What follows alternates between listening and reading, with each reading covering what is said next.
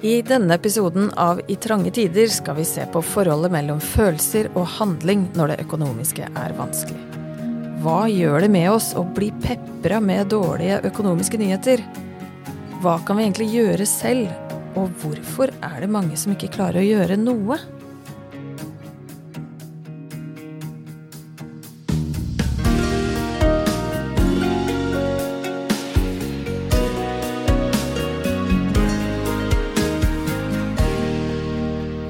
Velkommen til I trange tider. Det her er podkasten hvor vi snakker om sammenhengen mellom økonomi, følelser, psykologi og livet ellers. I dag har vi med oss en eh, gjest. Han er en skikkelig økonominerd og eiendomsekspert. Eh, I tillegg så er han tilfeldigvis eh, mannen min. så må være ærlig å si det. Og, så vi har stått i mye opp- og nedturer og skikkelig dritt sammen, Nico. Og vi, vi, liker jo begge to å by på både kunnskap og ekte opplevelser. Så takk for at du vil være med oss i dag.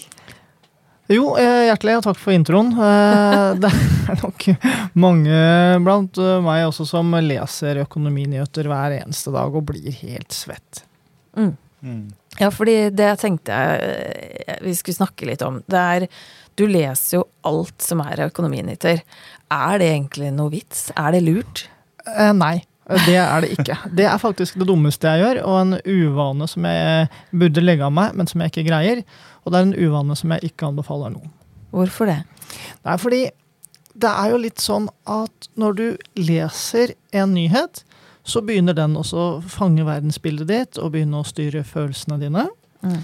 Og for, eh, hvis du er opptatt av journalistikk, da, så er det sånn at man må ha en eh, knagg, og det skal være en nyhet. Og da er det selvfølgelig å ta et dårlig tall og en eh, kommentator som sier noe negativt. Mm. Og så blir det sånn som du ser i dag, kjipe, kjedelige nyheter. Mm.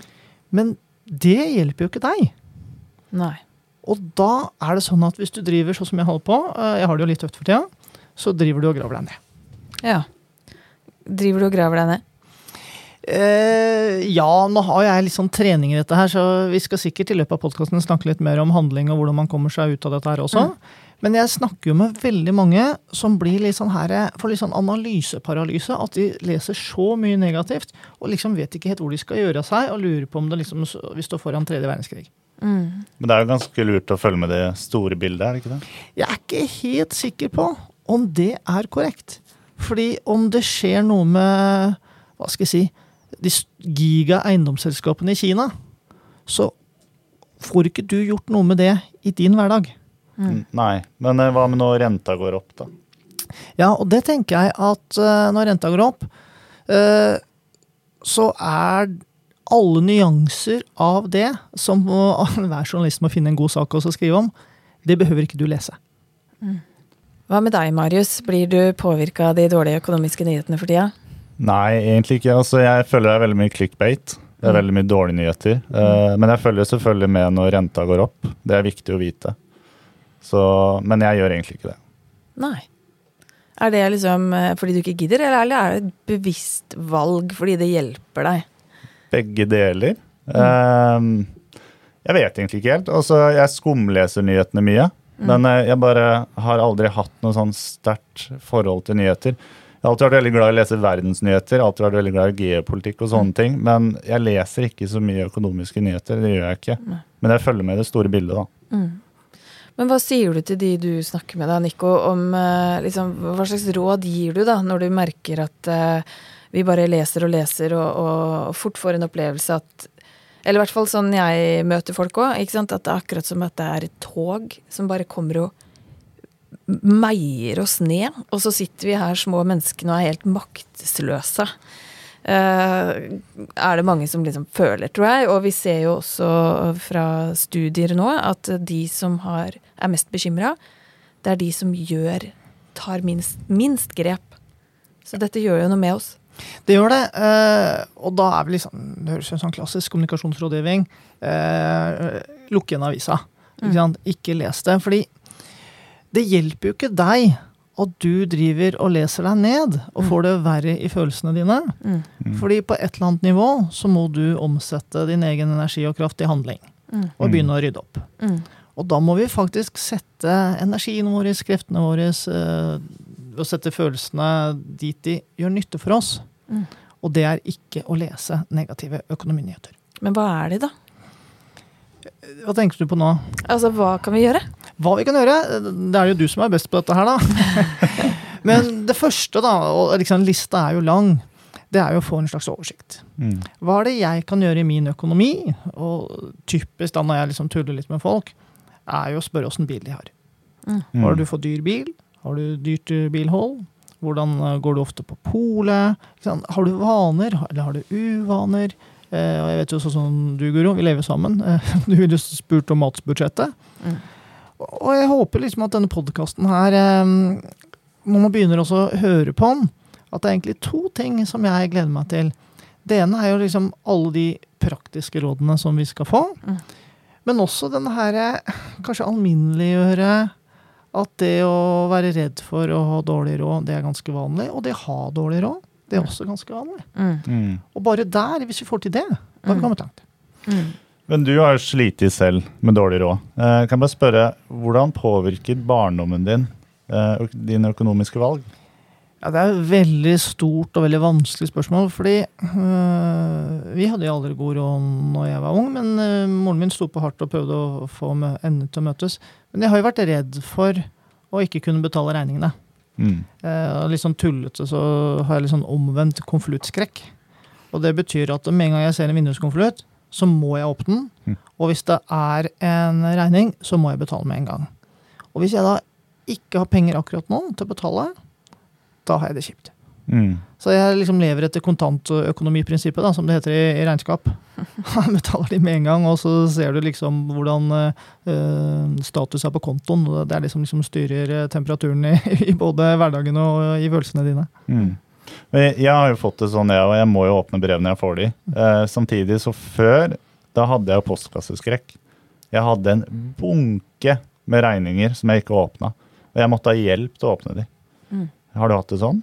Eh, det har jeg ikke. Eh, men jeg har jo vært borti historier hvor folk ikke har åpnet eh, posten sin, og kanskje de til og med har gjemt masse brev under senga, alle de tingene der. Mm. Så jeg, jeg har veldig sånn stor forståelse for at man ikke greier å åpne et brev. Rent fysisk så er det ikke vanskelig, men psykisk så er det jo en enorm jobb. Mm. Og det å liksom ha en slags forståelse for det, da. At du kan ikke bare si men kan du ikke bare åpne det og, og begynne å lese det. Det er jo ikke så lett. Eh, og da er vi liksom kanskje inne på noe som jeg er opptatt av, og det er at økonomi er jo noe av det viktigste og det vanskeligste i livet. Mm. Mm. Og jeg har sittet sammen med mange, jeg også, som har kommet med, med svære bunker. Mm. Så, så jeg vet hvor eh, vanskelig det er, og hvor viktig da eh, støtte er. Og det, kan jo, det er en av mine kjepphester som jeg kan slenge ut med en gang. Og det er jo at mange tror at de må være økonomieksperter for å hjelpe noen med økonomien. Mm. Og det er jeg helt uenig i. Eh, Det er klart, på noen ting så er det lurt med eksperter. Men på mange ting så er det den menneskelige støtten som teller. Hvem som helst kan sitte siden av et annet menneske og åpne brev. Og, og heie på en som tar grep som man før ikke har klart å ta. Det tenker jeg at er helt sinnssykt viktig. Og jeg, med det toget som ruller nå, så tenker jeg det er nesten som en sånn pandemi. Liksom. Altså nå ruller det over hele samfunnet. Vi kjenner folk som er syke, på en måte. Økonomisk syke, alle sammen. Uh, og vi kan alle gjøre en innsats, da. Nå maner jeg litt i dugnad, rett og slett. fordi at jeg tenker at dette her er så tøft for så mange. Men mange kan unngå å havne i grøfta hvis de får hjelp eller støtte eh, til å ta gode grep. Mm. Så ja, det, det var liksom en sånn skikkelig sånn oppfordring fra meg, fordi dette her er jeg utrolig opptatt av. Og jeg har sett betydningen av det veldig mange ganger. Mm. Mm. Men hva gjør du, Marius, eh, for å liksom holde motet oppe? For å gjøre de rette tinga? Um, Nei, altså jeg, jeg driver den frivillige organisasjonen da, øh, hvor vi starta en selvhjelpsgruppe. Og det var litt løsningen for meg. Um, jeg begynte å gå i selvhjelpsgrupper i, over nettet i USA innenfor økonomi, og der fikk jeg lære mange tips og triks. Men jeg, i første omgang så fikk jeg snakket om det. Jeg fikk snakket om Mm. følelsene, hvor vondt det var å ha dårlig økonomi. Uh, og jeg fikk hjelp av de andre i gruppa. Så det har vært litt løsningen for meg. Det har det. Mm. Så åpenhet og det å ikke føle seg alene, rett og slett. Absolutt. Ja. Det, men noen ganger så må man jo samle mot, da. For det er litt vanskelig å vite hvor man skal starte. Mm. Um, og det kan ta litt tid. Og der er vi jo inne på et område som jeg er veldig opptatt av, dette med atferdsendring. Og, og, og, mye av grunnen til at folk ikke handler, eller, eller, klarer å stå i handling, er jo gjerne at det blir for mye på en gang. Man vet ikke hvor man skal begynne, og man vet ikke hvor man skal fortsette, på en måte. Mm. Så, så, ja. Jeg vet ikke, Nico, har du noe sånn Hvis, hvis man føler seg overvelda, uh, har du noe sånn triks i hvordan vi kan sortere på det? Jeg tenker at uh, det å akseptere at man overvelder, det er kanskje starten. Ja. Og så liksom erkjenne det og prøve å sette den på parkeringsplassen og så tenke ok, nå er jeg på bånn. Men nå er jeg nå. Mm. Og da er det jo litt sånn å ta de verste tingene først, da. Mm. Eh, og det er jo å åpne brevene. Ta kontakt med kreditorene hvis du har kommet dit. Og så må du jo begynne å se på deg sjæl. Eh, din egen økonomi. Dine egne vaner. Vennene dine. Eh, driver de og presser deg ut på byen og Eh, klesbudsjettet, matbudsjettet Alle disse Den lista da, mm. med alt det man kan gjøre, begynner å bli ganske lang. Men så tenker jeg at eh, hvis noen liksom sier kom med 30 punkter hvor du kan bli bedre i økonomien, så, så blir det for mye. Mm. Kanskje man bare skal starte med et par ting, og så få litt mestring. Eh, der er jo du som på en måte kan atferdsøkonomi og endring, Guro. Mm. Ja, det er kjempeviktig. Og, og, det er jo det som også blir overveldende med disse økonominyhetene. Det er ikke bare det at det er de store verdensnyhetene som vi ikke rår over, men det er jo også disse tipsene. ikke sant? Det er tips og triks overalt, og det er jo bra, og mange lærer av det. Men hvis man først har det vanskelig, så kan det fort bare lesse på den opplevelsen av å være mislykka, et mislykka menneske. Fordi jeg sitter jo her med masse kunnskap, og så har jeg det vanskelig, og så gjør jeg ingenting. Mm. Uh, sånn at det er et kjempedilemma med det å øse ut uh, tips, da. Og, og, så det å begynne med å liksom åpne opp litt uh, rundt følelsen og hva, hvilke sperrer vi møter. Og det er klart at hvis du f.eks. har veldig mye identitet og sosialt fellesskap knytta til penger, så utfordres jo noe av det sterkeste i oss mennesker, nemlig behovet for å være en del av flokken. Og det er sånn urbehov. Altså Vi skal ikke kimse av det behovet. Vi snakker om ungdom, aha, de blir så lett påvirka og sånn. Men det er jo søren meg vi voksne, vi, vi, blir det hele livet. Er vi avhengig av å bli liksom akseptert og godtatt. Så, så det er en, en, kjempeviktig ting å kanskje snakke med noen av sine nærmeste, f.eks. Om at nå jeg, må jeg ta noen grep. Har du måttet snakke med noen rundt deg, eller har det noe Jeg har snakket med deg, da, men Men jeg kommer egentlig til å tenke på noe som, jeg, som du lærer veldig tidlig på Handelshøyskolen, da. Og det er jo faget marketing. Fordi eh, veldig mange av de klokeste hodene i verden, de jobber jo med markedsføring. Og det de vil ha, det er lommeboka di. Mm. Ikke sant?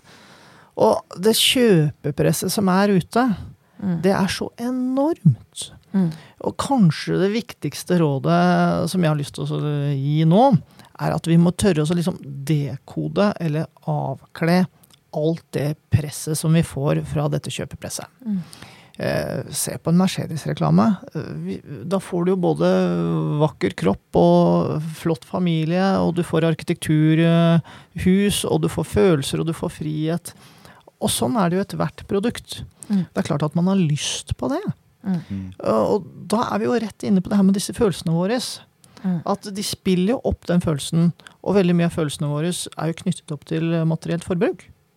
Mm. Eh, og så skal ikke jeg drive og si at liksom, en ny bukse ikke er viktig, for det, jeg kan godt skjønne at det er det. Men hvis vi liksom tør å ta ned det materielle forbruket, da, da har vi liksom begynt å bygge en sånn plattform og en sånn grunnmur for en tryggere økonomi og et litt sånn bedre økonomisk liv.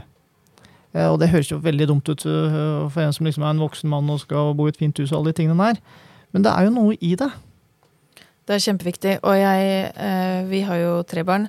Og jeg tenker jo at dette her er en gyllen anledning til å begynne å snakke om økonomi hjemme å invitere barn og unge inn i de dilemmaene vi står i, de vurderingene vi står i, prioriteringer vi gjør, uh, tenker jeg er uh, kjempe kjempe, kjempeviktig. Og dette med påvirkning, og, og liksom diskutere det hjemme, eh, tror jeg er kjempe, kjempeviktig. Mm. Eh, benytt sjansene, rett og slett, foreldre. Jeg er jo ikke noe Altså, jeg er jo ikke en pappa, men eh, jeg er en onkel. Uh, tidligere så kjøpte jeg alltid klær til niesene mine i mm. bursdagsgaver. Og så har, når jeg har blitt mer og mer økonomisk, så har jeg også blitt mer og mer minimalistisk. Eh, mindre materialistisk. Sånne ting. Så jeg bryr meg ikke så mye om klær lenger. Og nå har jeg liksom prøvd å videreformidle det til niesene mine. Spesielt hun ene jeg snakket med henne om det i går. Mm. Og der ser jeg at jeg har vært et dårlig forbilde. Ja. Fordi jeg har brukt penger på mye klær til dem. Eh, fordi det har vært en lett utvei. Mm. Fordi det har de likt, ikke sant. Mm. Men så har jeg sånn tenkt nå at jeg vil heller kjøpe andre ting som kanskje betyr mye mer. Mm. Som gir mer verdier. For en herlig historie. Ja, det er noe jeg har tenkt over nå i helgen når jeg var sammen med dem. Ja, ja, ja. Hvor gamle er de? Hun ene er tolv, hun andre er ti. Kan jeg få gi deg en utfordring? Uh, ja. Ikke bare snakke med dem om liksom, eller det du gir nå, men ta dem med på den bevegelsen du har gjort. Hvorfor? Mm. Det er jo gull, å ha en onkel som byr på det. Jeg det... tenkte sånn før. Mm. Nå gjør jeg sånn fordi. Og hva det gir deg, da. Det er veldig sant. Jeg gjør det med mye annet. Jeg har slitt med rus, og det er jeg ganske mm. åpen om. Mm. Fordi jeg har lyst til Altså, jeg vet at alle nå i dag kan komme i nærheten av sånne ting. Mm. Og jeg vil absolutt ikke at de skal gjøre det. Mm. Så jeg kan gjøre det samme med økonomi, selvfølgelig. Mm. Gleder meg til å høre om det. men, eh, men, apropos barn, der er vi jo inne på et litt uh, ømt punkt, Nico. fordi at du var jo litt den som ikke hadde utstyr og ikke hadde slalåmski og de tjukkeste brilleglassene og kjørte Lada og ble ledd av, liksom. Det er riktig. Ja. Uh, så der opplever jeg, da, vi har jo bestemt oss for å være litt åpne på det, at vi står i et litt sånn krysspress hjemme, på en måte. Fordi at du har jo alltid ville gi våre unger veldig mye utstyr. Uh, det skal ikke stå på det, fordi de skal ikke ha det sånn som du hadde det. Uh, men så samtidig så, så er vi jo vi også ramma av renteøkninger, ikke sant. Pluss at jeg er veldig på det derre verdisettet. Jeg kjøpte jo skidress på loppemarkedet og var liksom stolt av det. Så der, uh, hva tenker du om balansen rundt disse tingene? Ja, det starta jo med at når jeg fikk egen økonomi og fikk meg ordentlig jobb når jeg var nyutdanna siviløkonom, så kjøpte jeg alt. Ja. ja, ja, da hadde jeg det feteste sportsutstyret, og alt var på stell. Uh, og jeg har også kjørt, uh, kjørt dritfete biler og sånt. Uh, det var jo så fin at du ikke turte å kjøre, kjøre den til jobb, og stansa et par kvartaler unna og gikk til kontoret.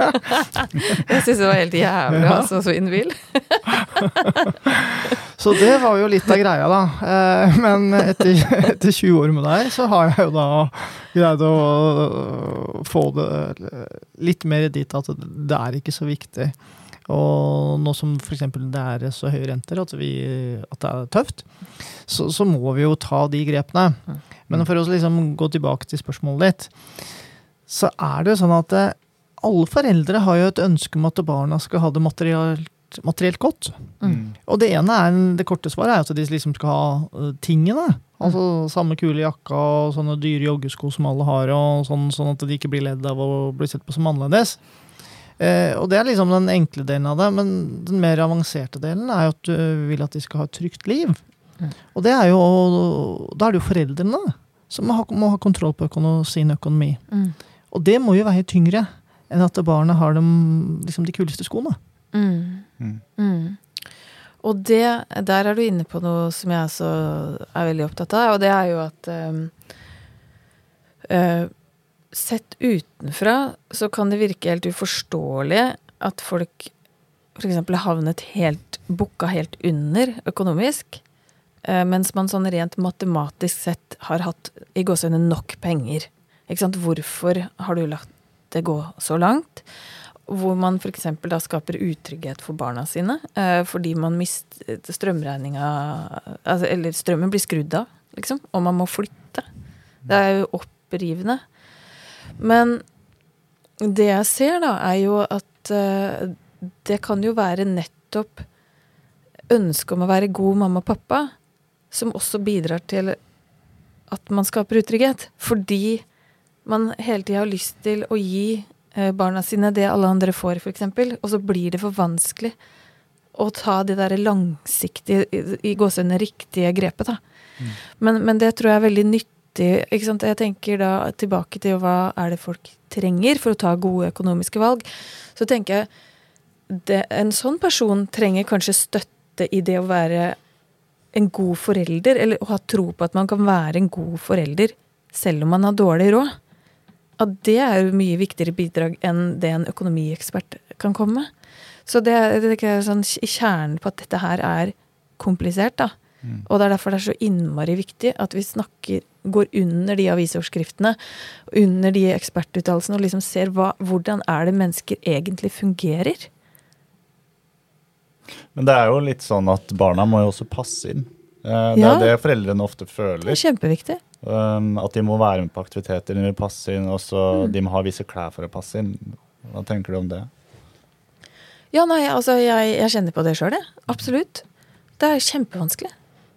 Og, og, og selv jeg som på en måte burde være topptrent på en måte i å, i å si nei, og, og det å liksom stå for eh, f.eks. at ungene mine ikke har sånn og sånn som de andre har og sånn. Jeg, jeg syns jo det er vanskelig. Men, eh, og jeg, jeg står ofte i sånn hvor én verdi eh, står opp mot en annen. Det skjer jo hele tida, egentlig. Eh, og at man kanskje er uenig hjemme òg. Ikke sant? Det er jo masse konflikter, masse utfordringer i hjemmene, parforhold mellom foreldre og barn, rundt disse tingene her. Det er ikke noe rart. Det er kjempekomplisert. Ja. Men ja. Jeg vet ikke, Nico. Har du Hvordan eh, kjenner du på disse ulike verdiene som møtes? Nei, jeg som egentlig de fleste, vil jeg tro, syns det er kjempevanskelig. Mm. Eh, og spesielt nå, hvor veldig veldig mange har dårlig råd fordi det er eh, dyre renter, det har vært dyr strøm, det har vært dyr mat. Folk har kanskje hatt det vanskelig på jobben, flere permitteringer. Eh, jeg leste en rapport at nå er 5% av oss er nå definert til å leve under fattigdomsgrensen. Mm. Ikke sant? Så, så vi liksom Nå må vi tenke på de viktigere tingene, da. Mm. Eh, samtidig som vi skal være gode foreldre. Og så er det jo det herre Jeg er litt sånn opptatt av disse her eh, ressurssterke mødrene, jeg. Fordi hvis det er disse, her, disse middelklassefruene Hvis de kan på en måte si nei til disse grisedyre dunjakkene og på en måte være med oss og, og så sette et eksempel, Mm. så, så får vi litt sånn effekt ut av det. Mm. Fordi det jeg opplevde ganske mange ganger, er at det høres litt sånn fordomsfullt ut, men litt sånn eh, folk med dårlig råd, de har det beste utstyret og, og stæsjet. Mm. Og det er ikke så heldig. Mm. Eh, og det ser du også liksom, hvis du ser på film. Da. Jeg er veldig opptatt av jeg har sett den her eh, Snabba Cash-serien. Mm. Og det er jo den her drømmen om penger. Mm. Og du ser på det her eh, stæsjet de har på seg. Det er jo dunvester til 15 000 kroner og klokker til flere hundre tusen av det. Men de har ikke råd til det. Og da f.eks. begår de kriminalitet da, for å få, for å få alt det stæsjet. Eh, og da, dette krever det faktisk en sånn her intellektuell kapasitet da, fra de voksne eh, for å på en måte sette en brems. Da selvfølgelig må vi sette brems i våre egne liv, men også på en måte prøve å rettlede barna. Det var forferdelig kjedelig ord, men eh, det er et eller annet der, da. Mm. Jeg tenker, ja, jeg er helt enig. At vi har et slags sånn kollektivt ansvar, da. Og så, og så opplever jeg jo også at um, uh, om vi så ikke står i økonomisk skvis sjøl, da, uh, så kan man liksom ja, bidra gjennom å si at uh, vi kan ikke legge lista så høyt. Og, og jeg opplever jo at mange som liksom tar motet til seg og f.eks. Eh, sier til storfamilien og venner da, la oss liksom ta julegavekjøret litt ned i år, f.eks. Så er det mange som bare huh, letta, ikke sant, kjempeletta. Men ingen tør å være den første som sier det. Sånn at eh, ja, jeg, jeg tror det er veldig lurt, da. Det Har du snakka med venner, f.eks. Marius, du som på en måte må leve litt stramt økonomisk, da. Hvordan gjør du det? Jeg prøver å gå foran med et godt eksempel. da. Samtidig så er jeg litt sånn Jeg hadde en venninne her om dagen som kjøpte en jakke til 6200, eller hva det var. Mm. Uh, og hun kjefta jeg på. Ja. Hvordan ble det, det tatt imot, da? Nei, det, var, det som var morsomt, var at jeg hadde en annen bekjent som da kom og viste oss en jakke på Finn som kosta 25 kroner. Ja. Du kan kjøpe ganske mange av den her da, for å få ja, Men uansett så Jeg tenker at eh, jeg også har vært der før. Mm. Ehm, Og jeg, jeg, det, grunnen til at jeg kjøpte dyre klær, da, var for at jo, jeg ville passe, men samtidig så føltes det godt der og da. Mm. Og den følelsen forsvinner veldig fort. Ja, ja. Man blir fort lei av den jakka, Mm. og da vil man kanskje ha en ny jakke. Mm. Um, så for meg så har løsningen vært å ikke gjøre det. Uh, og jeg, samtidig så søker jeg mer økonomisk trygghet i fremtiden. da. Mm. Mine økonomiske verdier har blitt annerledes. Mm. Jeg jakter ikke så mye på altså instant gratification, Mm. som man kaller det. Mm. Det henger jo sammen med oss med rus, da. Og det, man skal ikke kimse av det, altså, for man blir faktisk lykkelig av å shoppe. Mm, Det er bare det at uh, det varer så kort. absolutt. Eh, og man skal heller ikke kimse av behovet for Altså, det også gi verd, er noe verdig med å se bra ut òg, ikke sant? Så det er jo en sånn balanse her. Og så er det jo et annet poeng her. Vi bor i Oslo, en storby. Eh, er det noe forskjell, Nico, som du ser det, på, på det å bo i en stor by eller på et mindre sted når det kommer til det å deale med økonomi og følelser? Jeg kommer jo fra Kløfta. Der var det ikke så mye å bruke penger på, men vi hang jo på Romerikssenteret jeg var liten, og da gikk det jo litt penger til den eh, spilleautomaten. Ja. Men eh, nå, da, som voksen, eh, så har jeg kontor like ved Sten og Strøm. Ja. Og der er det jo sånne luksus eh, shoppinggater. Mm. Og der går jeg forbi, da, og så er det sånne gjerder hvor det er kø. Men det, det er tomt inne i butikken, da. Og så er det vakter som står og passer på. Og så er det grisedyre klær og ting og tang som er i vinduene. Og så tenker jeg at eh, jeg, eh, jeg gjør meg litt vanskelig, da, bare så det jeg har sagt. Så gjør jeg meg litt vanskelig, tenkte jeg, hvorfor står folk i kø der? Det er jo et eller annet mekanismer som uh, man blir lurt. For det første så er det jo en kunstig kø, det, og det er jo, og så er det kunstig høy pris. Og så er det ikke de kvalitetene.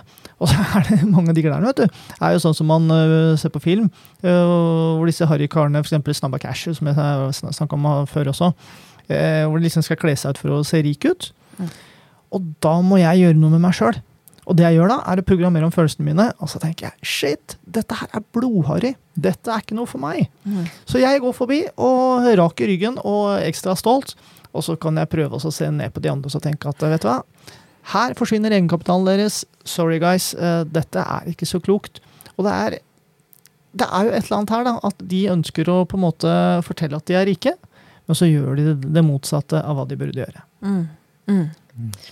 Og, der, eh, og der tenker jeg det er veldig forskjell på hvem vi omgir oss med. da. At vi kan hjelpe hverandre med å eh, bygge stolthet rundt å ikke kjøpe disse dyre tingene, da. Eh, er, der har jo du vært god, eh, Marius. Eller ja. Eh, Eller jeg har blitt god. Mm. Um, altså jeg, på den andre siden så har jeg fått en tendens til å oppsøke ting som kanskje, kanskje koster veldig lite i Oslo, da, eller er gratis. Mm. Så vi har jo en kjempefin natur rett utenfor byen. Uh, vi har fi, mye fin arkitektur, og jeg går ofte rundt i byen og bare titter. Mm. Og det er helt gratis. Mm. Og, men da ser jeg ikke på klær eller merkeklær eller dyre ting, da. Det gjør jeg absolutt ikke. Og det er kult at du sier, for det er jo også noe med storbyen. At det er også veldig mange gratistilbud. Mm. Så her gjelder det å trene oss opp da, eh, til å liksom hente ut eh, det beste og det vi har råd til. Så, men vi må jo på en måte bytte brilleglass, da, på en måte, hvis vi eh, ja, bytter fil, liksom. Og det som liksom er liksom kjekt å bo i byen, at kanskje er det et gratis foredrag, en liten filmvisning, noen som skal stå på en scene og liksom ha et kulturinnslag. Sånn at du kan jo liksom ha en ganske ålreit dag, eller kveld eller ettermiddag, Mm. uten at det skal koste penger. Og hvis det i tillegg er en gratis kaffe der, da blir det helt ålreit. Mm. Ja, og så har vi ikke liksom loppa oss eh, den kvelden.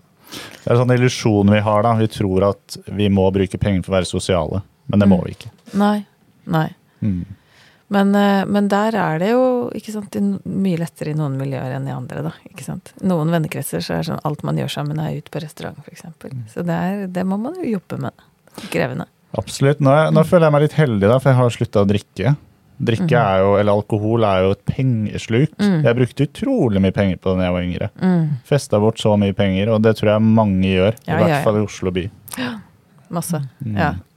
Og det er jo egentlig en veldig mye større debatt i forhold til det som heter byutvikling. Mm. Eh, Oslo har jo ca. 1500-1600 serveringssteder. Mm. Eh, åpner mange, kanskje en, over en i uka.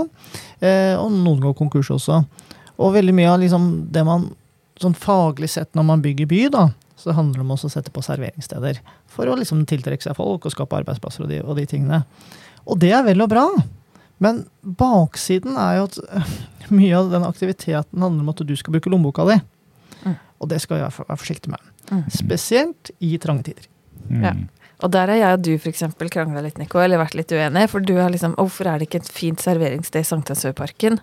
Mens jeg er bare sånn takk og lov at det ikke er noe fint serveringssted på Sankthansøyparken. Ja. For jeg vil jo at mine unger skal løpe rundt der uten å bli eksponert for noe de kan kjøpe. De skal løpe ut uten lommebok og henge der.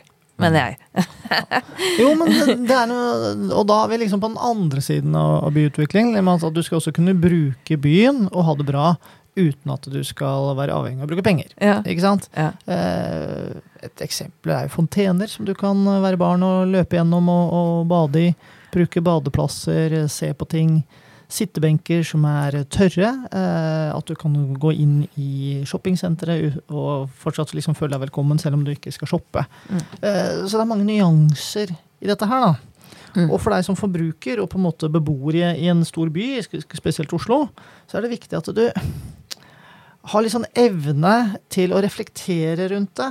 Og så sette følelsene dine riktig i forhold til hvem du skal være. Og din egen eh, økonomi, da. Mm. Ikke sant?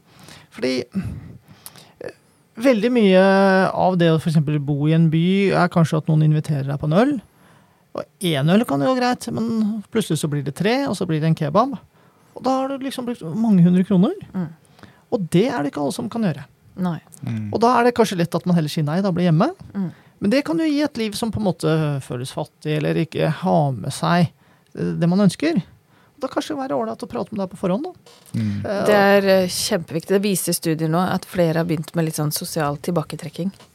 Ah. og det kan bidra til eh, disse dårlige sirklene. Så det der er kjempeviktig. Men eh, jeg lurer på om vi skal eh, gå inn for landing litt tilbake der vi på en måte begynte, og det var jo med bolig og renter. Det er jo det som rammer de fleste hardest nå. Mm. eh, Marius, du eh, Hva tenker du om framtida? Hva gjør det med deg?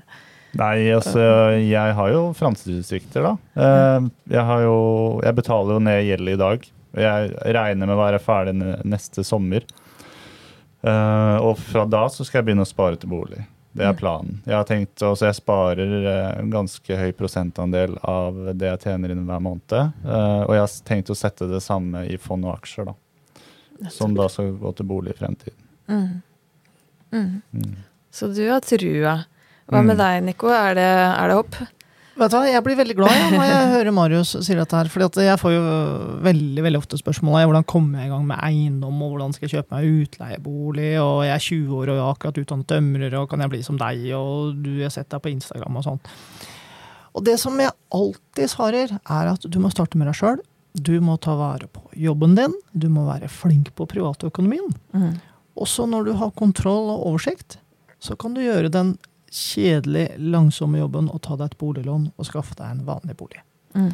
Så kjedelig, og det er liksom ikke noe magi i det, og det er ikke noe quick fix. Men du må gå den lange veien, og f.eks. som Marius nå, som rydder opp og øh, gjør en så stor innsats. Det er faktisk den eneste riktige og viktige veien for at han skal få seg en bolig når den tid kommer. Mm. Så det syns jeg er helt fantastisk å høre. Og det er jo sånn, Da må du være tålmodig, Mm. og så må du være veldig flink. Men det målet er jo viktig for deg, da. Slik at da har du også greid å programmere følelsene dine i den retningen du skal. Absolutt. Men jeg syns jo din historie så tydelig viser at ikke sant, det er de økonomiske grepene, og så må man parallelt jobbe med, med sin egen mentalitet. Det er jo en slags sånn, eh, hva skal jeg si, økonomisk eh, mentaltrening, liksom, i, i tillegg. Og dette må gå parallelt. Mm. Eh, så det er bra jobba, så Marius. Jo, tusen takk. Tusen takk. Eh, Det jeg for jeg må nesten bare si I stad snakket jeg om nesene mine. Jeg har to, nei, tre neser og én nevø, så ikke Ja. det blir dårlig gjort. Jeg, jeg, er jeg er veldig glad i de, så det kan ikke bli dårlig gjort. Nei. Nei, de er heldige. Ja. ja. Mm. Har du noen sånn eh, sluttreplikk, eh, Nico, for de som nå føler at eh, de liksom litt sånn trekker eh, dyna over huet, liksom, for dette er bare vondt og kjipt. Du, det er vondt og kjipt, og, og kjipt, og det kan du faktisk si høyt, og du kan erkjenne det. Men du løser ingenting ved å, å stoppe der. Nei. Så du må faktisk eh, åpne konvolutten. Du må ta kontakt med banken. Du må være flink på jobben. Du må kutte forbruket. Og så må du liksom finne ting som eh, gir deg glede i livet, som ikke handler om shopping. Det var en slags oppsummering. Ja. yes. Og be om hjelp, da, tenker jeg. Fordi at å gjøre alt det der aleine, gå rett fra dyna og gjøre alt det, er ikke så lett. Hør på podkasten. Ja. det er det beste rådet. Hør på podkasten. Ja. Nei, men uh, tusen takk, uh, Nico, for at du kunne være med oss i dag. Jeg håper at uh, mange der ute ble inspirert til å ta både praktiske grep og litt sånn mentale grep, og hjelpe hverandre i det her. Det ble i hvert fall jeg. Takk for at jeg fikk komme. Vi ses neste lørdag for en ny episode av I trange tider.